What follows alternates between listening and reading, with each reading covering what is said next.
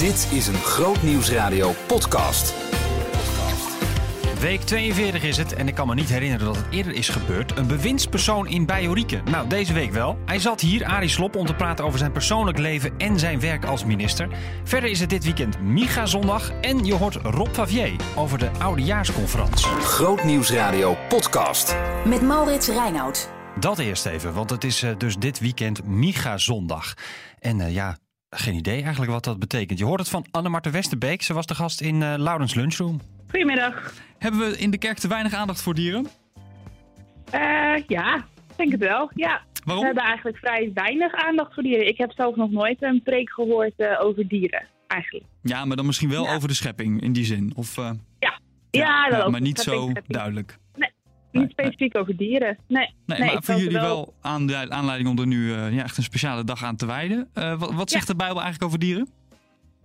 Ja, het is heel grappig heel veel. Toen we begonnen met dit thema, toen dacht ik zelf ook van, hmm, ik ben eigenlijk benieuwd wat er in de Bijbel staat. En al lezen, al ontdekken, al pratende, ook met de mensen die het thema hebben voorbereid, ontdekken we dat er eigenlijk heel veel staat uh, in de Bijbel over dieren.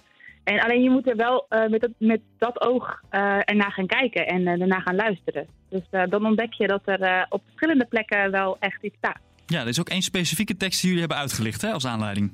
Klopt, ja. Dat is Genesis 9, vers 9 tot en met 10. Uh, waarin uh, Noach uh, eigenlijk weer uit de ark komt met alle levende wezens die met hem mee waren op de, op de ark. En um, ja, daar doet God eigenlijk aan Noach de belofte. en in die belofte vallen ook de dieren, want daar staat ook en alle dieren op aarde. Oh ja. Ja.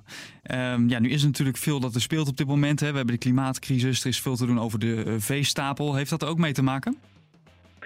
Um, nou, in een zekere zin wel. Uh, we willen mensen graag uitdagen om na te denken over hoe zij dieren eigenlijk zien. En of ze dieren ook nog op waarde uh, schatten, zeg maar. En uh, voor God is een dier waardevol in zichzelf. Um, en mij heeft het al alleen al met het thema bezig te zijn heel veel geleerd. Om ook gewoon weer een dier als nou, een waardevol dier te gaan zien. En niet maar alleen als iets wat we bijvoorbeeld gebruiken, onder andere voor ons, bijvoorbeeld voor onze consumptie. Ja, precies. En hoe, hoe ziet die Miga-zondagdienst er eigenlijk uit dit weekend?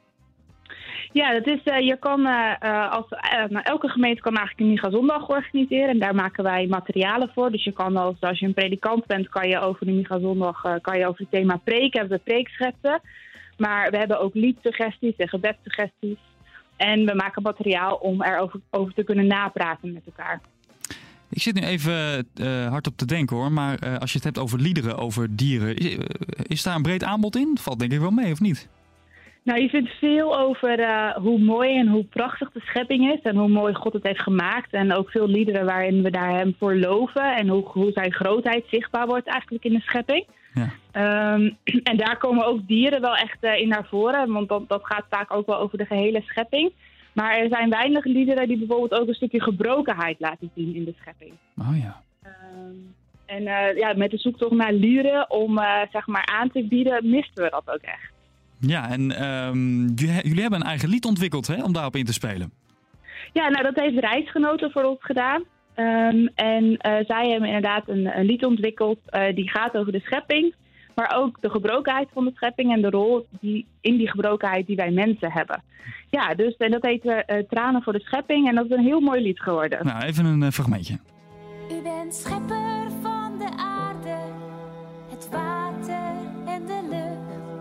Maar ze raken in verval. Ja, de mens maakt zoveel stuk. U huilt om heel uw schepping. Wij huilen met u mee. Heer, ontferm u over ons. Ja, Tranen voor de Schepping heet het dus uh, van het muziekgezelschap Reisgenoten. Um, wat hopen jullie eigenlijk precies te bereiken met uh, al deze aandacht voor de dieren, voor uh, nou ja, de gebrokenheid in, in de schepping? Wat hopen jullie?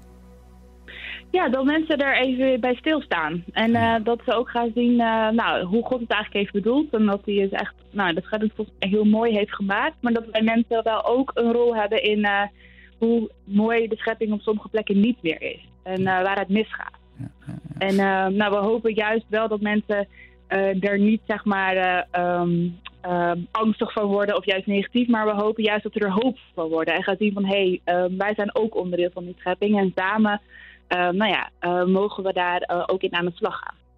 Nu wordt het denk ik wel last minute om nog een Miga-dienst te gaan or- organiseren voor aanstaande zondag. Maar er is ook materiaal beschikbaar voor bijvoorbeeld kringavonden, geloof ik, hè? Ja, klopt. Ja. Uh, elk jaar hebben we een ander thema bij de Miga Zondag. En ook dit jaar hebben we weer kringmateriaal gemaakt voor het thema uh, van dit jaar. Uh, maar we hebben bijvoorbeeld ook de Miga cursus. En dan kan je in meerdere avonden over eigenlijk allerlei verschillende onderwerpen binnen het thema gerechtigheid aan de slag. Dus het gaat dan niet alleen over de schepping, maar ook bijvoorbeeld zorgen voor elkaar, voor je naaste dichtbij, voor je naaste ver weg. Dus er zitten allerlei verschillende thema's in. Nou, dan weet je wat je kunt verwachten als je deze zondag in de kerk zit en het is ineens Miga-zondag en je was er niet op voorbereid. Nou, dan weet je dus uh, nu wat je, wat je te wachten staat. Grootnieuwsradio podcast. Met Maurits Reinoud. Ik vind dat ontzettend leuk aan het eind van het jaar om even met een cabaretier het jaar door te nemen. Um, het vervelende daarvan vind ik vaak dat als je op tv naar dat soort oudejaarsconferences kijkt, er heel vaak dingen in voorkomen waarvan je denkt: ja, daar kan ik het niet helemaal mee eens zijn. Of waarom breng je dat op deze manier?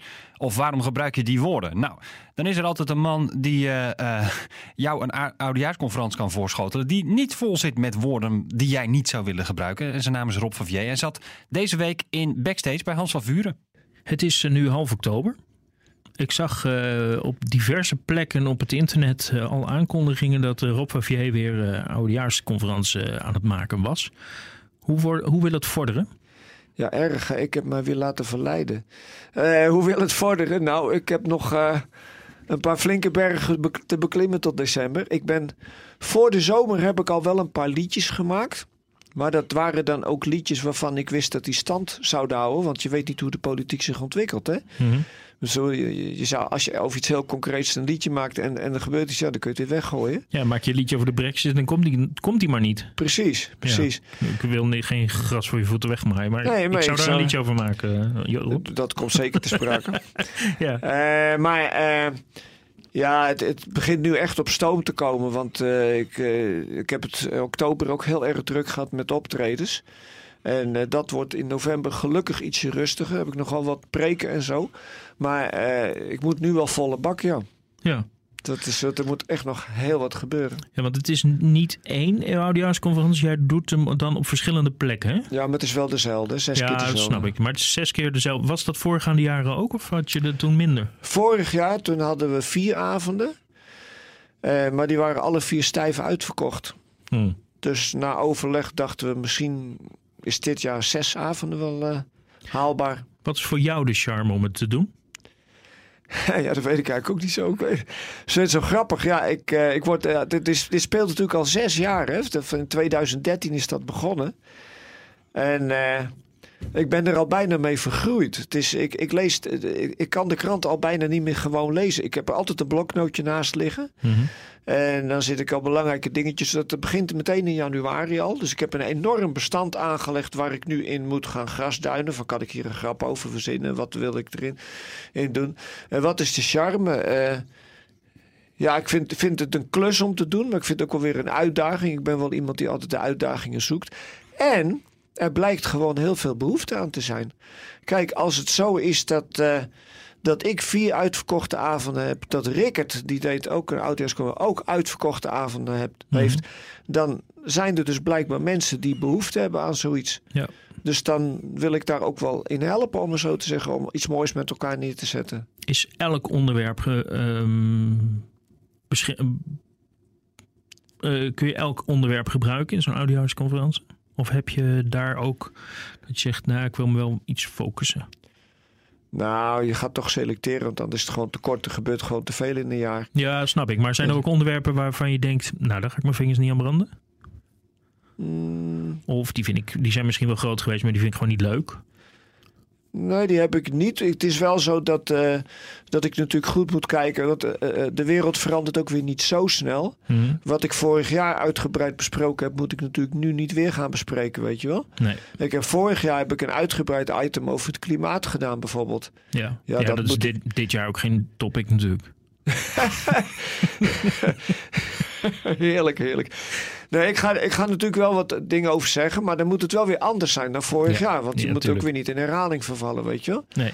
Dus dat wordt wel eh, duidelijk aangestipt. En eh, ja, ik ben de boeren heel dankbaar, want die leveren mij nu elke dag eh, leuke, leuke dingen. Maar ja, zo, Ik heb uh, twee jaar geleden heb ik uitgebreid. Nee, deden was ook vorig jaar uitgebreid aandacht besteed aan uh, dat kamp uh, Moria op Lesbos. Hmm. Ja, dat moet ik nu ook weer op een andere manier doen. Komt wel hoor, maar dan moet gewoon even een andere invalshoek pakken. Want waarom wil je dat er dan toch ook bij hebben? Voor mijn gevoel namelijk ja? was dat minder in het nieuws dan vorig jaar. Ja, dat vind ik juist zo erg. Uh, want ik, uh, nou ja, op de nieuwe CD staat dan een liedje Dat is de rekeningen. En dat, uh, dat heb ik geschreven naar aanleiding van, van een vrouw die mij ooit gemaild heeft. En binnenkort komt ze op tv in Nederland Zingt Dichtbij. Ze hebben haar van de week geïnterviewd. Mm -hmm. die is op Lesbos geweest in dat kamp. En die heeft mij uit het niets ooit een mailtje gestuurd. Wat ze heel erg veel gehad. Het allemaal liedje over de vluchteling. Ik weet niet of je dat nog bij staat. Mhm. En eh, had ze ook dagboekfragmenten bij gezaan. En daar heb ik eigenlijk dat liedje van de rekening geschreven. En eh, ik geloof echt dat zo'n zo'n vluchtelingenkamp. Waar echt vreselijke toestanden zijn. Hè, dat kamp biedt maar plaats van 3000 mensen. Mhm. En zitten er nu 10.000. Uh, dat dat bijna een soort rekening is die het Westen gepresenteerd krijgt voor uh, al die ongelijkheid die wij in de wereld geschapen hebben. Want het is veel meer dan alleen maar oorlogsvluchtelingen. Het gaat over de hele ongelijkheid in de wereld en de onrechtvaardigheid. Ja. Dus uh, je zegt wel eens tegen iemand van als je wat uit had, nou je krijgt de rekening nog wel een keer gepresenteerd. Ik denk dat dit zo'n rekening aan Europa is. En het is natuurlijk schandalig vind ik ronduit schandalig hoe Europa daarmee omgaat. Want het wordt het liefst gewoon doodgezwegen. Hmm. Ik bedoel, er wordt niet echt naar een oplossing gezocht. Uh, er is zogenaamd geld aan beschikbaar gesteld. Ik weet dat de goederen die dan uh, uh, gestuurd zijn om die mensen te helpen, die liggen keurig in pakhuizen, maar die bereiken het kamp niet. Het is echt vreselijk wat daar gebeurt hoor. Dus dat wil ik graag onder de aandacht brengen. Nou, dan weet je wat er in ieder geval in de oudejaarsconferentie van Rob Favier zit. Grootnieuwsradio podcast. Met Maurits Reinoud. Ik ben best een beetje jaloers op Jorike, want ze heeft de kans gehad om minister Arie Slop te interviewen toch heel mooi om uh, eens even zo iemand aan de tand te voelen over zijn beleid, maar ook over zijn persoonlijke leven. Wat maakt hij mee als minister en waarom heeft hij alsnog weer uh, gekozen voor een terugkeer in de politiek? Hoe heeft hij dat besproken met zijn vrouw? Nou, al dat soort onderwerpen kwamen aan bod in het, uh, in het gesprek met de minister op woensdagochtend in Bajorieke. Um, maar ja, hoe, hoe doe je dat eigenlijk, hè? een minister interviewen? Voordat we konden beginnen, wilde ik wel even een paar dingen duidelijk hebben. Zo ben ik gewend, omdat we zo'n persoonlijk programma maken, om onze gasten met je aan te spreken. Maar ja, is het niet gebruikelijk om tegen een minister u te zeggen? Het gebeurt wel, maar in, in deze situatie zeg ik zeg maar jij tegen u. Oké, dus we, gaan, we gaan jijen. Zeker. Okay, ja, ik, ik, zou me erg ongemakkelijk voelen als jij me steeds met u gaat aanspreken. ik ga mijn best doen, maar het is toch, ja, het is toch anders uh, om met uw minister te praten. Ah, maar ik ga op. mijn best doen. Kom op, oké, okay, ik, uh, ik doe het. En de tweede, het. ik kan het, bedankt voor de bemoediging. En de tweede vraag waar ik tegenaan liep. Officieel uh, ben je minister voor onderwijs, maar in de volksmond zeggen we heel vaak je bent minister van onderwijs. Hoe zit dat verschil ook alweer? Ja, dat is eigenlijk een beetje een Haags dingetje. Uh, minister van heeft ook een verantwoordelijkheid voor het uh, ministerie. En een bredere stelselverantwoordelijkheid. Minister voor, heel specifiek voor bepaalde onderdelen van de portefeuille. Uh, uh, en dat, dat, dat is het. Ja. Ik ben gewoon volledig verantwoordelijk voor het basis- en voor het voortgezet onderwijs. En voor media. Dus geeft het nog problemen in de ministerraad als ik per ongeluk een paar keer minister van nee, Onderwijs hoor, zeg? Nee, daar zal niemand bij verblikken of verblozen. Dat is echt normaal een Haags dingetje. En je hebt ministers van en je hebt ministers voor. Uh, nou, ik vind het eigenlijk wel heel tof om ergens voor te zijn. Dus uh, oh ja. geen enkel probleem wat mij betreft. Voor onderwijs. Zeker. Er was bij de start van het kabinet wel wat om te doen. Hè. Sommige departementen kregen twee ministers. Maar zou de minister voor dan niet veel te weinig in te brengen hebben, was het dan een beetje. Hoe gaat dat in de praktijk? Nou, dat is geen enkel probleem. Nee hoor, ik, heb, uh, ik zei het net al, ik ben volledig verantwoordelijk voor mijn beleidsterreinen. Het is in mijn situatie ook heel overzichtelijk. Ik ga over het basisonderwijs ik kan beter zeggen primair onderwijs. Mm -hmm. Want het is natuurlijk breder dan alleen basisonderwijs. Ook het speciaal onderwijs hoort erbij. En ik ga over het voortgezet onderwijs en ik ga over de media. En mijn collega gaat over alle andere terreinen. Ik heb overigens ook nog een heel klein stukje uh, archieven uh, in mijn portefeuille oh. zitten. Dat zit niet in de naam, maar daar ga ik ook nog over. Maar we hebben hele duidelijk afgebakende portefeuilles. Ja. En aan de andere kant werken wij ook gewoon heel, heel erg samen. Want uh, dat is ook ontzettend uh, belangrijk. Mijn collega Ingrid van Engelshoven ja. en, en ik. Maar het is in ieder geval duidelijk inderdaad uh, waar jij verantwoordelijk voor bent. Ik wil nog even teruggaan naar de kabinetsformatie. Wanneer belde Gertjan Zegers je op om te vragen... Arie, wil jij minister worden? Um, nou, wij hadden altijd wel wat contact. Uh, er is niet helemaal één precies moment aan te wijzen. Uh, maar wij hadden altijd wel wat contact. En ik had afstand genomen van uh, de Haagse politiek. Ik volgde mm -hmm. natuurlijk nog wel met gepaste belangstelling. Al was ik ook heel erg druk met allerlei andere dingen. En het was in goede handen bij Gert-Jan. en toen de formatie bezig was, toen is er op een bepaald moment, dat was zo tegen de zomer wel een moment geweest, dat werd gevraagd van nou zou jij eventueel He, zo gaat dat dan. Mhm. En toen ben ik eigenlijk zelf ook wel heel duidelijk geweest. Van het begon bij mij wel wat meer te kriebelen weer op het moment dat de formatie bezig was. Niet in de, in de tijd van de campagne en zo. Maar toen de formatie, ja, dat is het echte werk zeg maar. Dan moeten er afspraken gemaakt worden. Er moet samengewerkt worden. Dat is ook altijd mijn ding geweest in de tijd dat ik uh, politiek actief was. Mhm.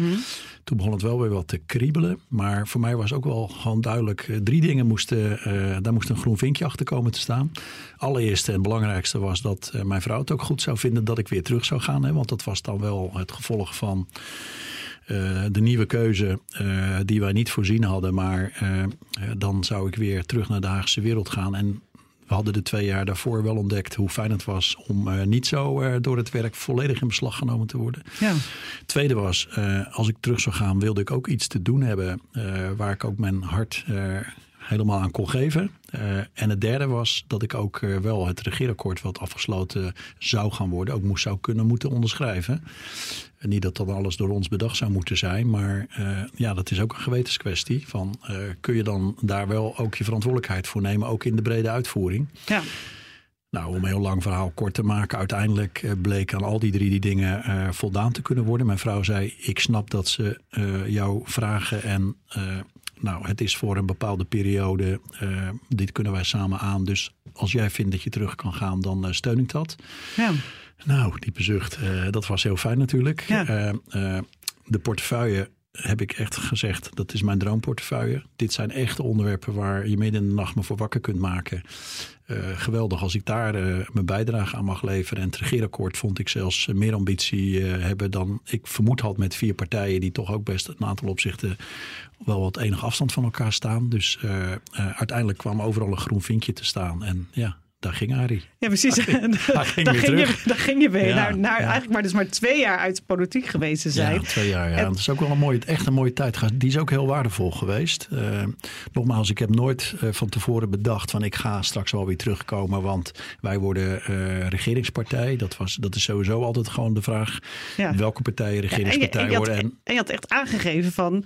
Het is tijd voor meer rust. Want in het, in het afscheidsinterview in het Nederlands Dagblad zei je... ik wil gewoon weer eens iets in de kerk kunnen doen. Verjaardagen vieren en op vakantie gaan... zonder telkens te worden is, gestoord. ook, is ook allemaal gebeurd. Ja? En ik had ook verteld dat ik een marathon wilde gaan lopen. Ik heb er zelfs twee gelopen. Dus, Oh, serieus? eh, ja, dat stond in datzelfde interview. Je had even moeten doorlezen. Dat was de laatste, laatste regel, weet ik nog. Ja, bij hardlopen haak ik altijd een beetje af. Ja, nee, ik niet. Eh, eh, dus ik heb inderdaad, nee, ik heb er echt van genoten. Ik had sowieso ook een hele leuke baan. Ik, ik werkte in de, in de wereld van eh, de historie, cultuur, erfgoed. eh, en eh, daar, daar kon ik echt mijn, eh, mijn, mijn, mijn energie ook aan kwijt. En ik hield nog voldoende tijd over om inderdaad ook in de kerk wat te gaan doen. Dat had ik nog nooit eerder gedaan.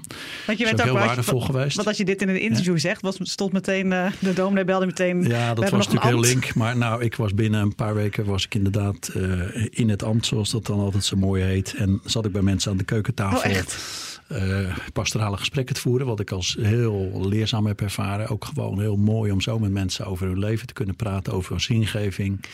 En eh, eh, dat heb ik inderdaad dus ook een ruim een jaar gedaan.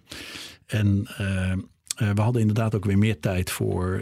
Ik weet nog dat we voor het eerst sa- samen naar een concert gingen door de week. Dat we elkaar in de arm knepen. We zaten daar in een, in een concertzaal.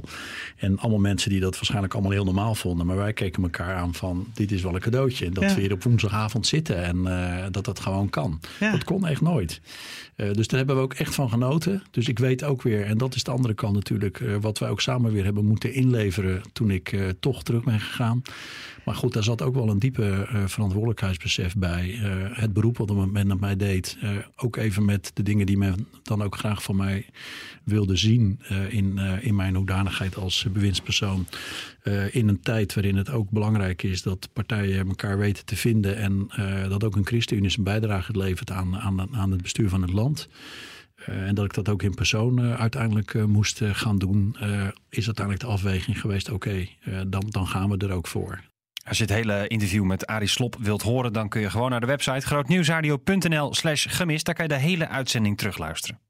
Komende week op Grootnieuws Radio. Dit, weekend, eh, dit hele weekend is er een Hardcry-conferentie. Arjan Baan uh, spreekt daar onder andere als evangelist van Hardcry. En we gaan met, met hem even terugblikken op, op, op die conferentie. Dat doen we op maandagochtend om vijf over half acht in de Nieuwe Morgen. In datzelfde programma om kwart over zeven kijken we ook even naar de situatie in Syrië. Dat doen we met Kerk in Actie, want die hebben een campagne voor Syrië. Uh, die campagne heeft ook nogal wat kritiek gehad, omdat het propaganda zou zijn voor het regime van president Assad in Syrië.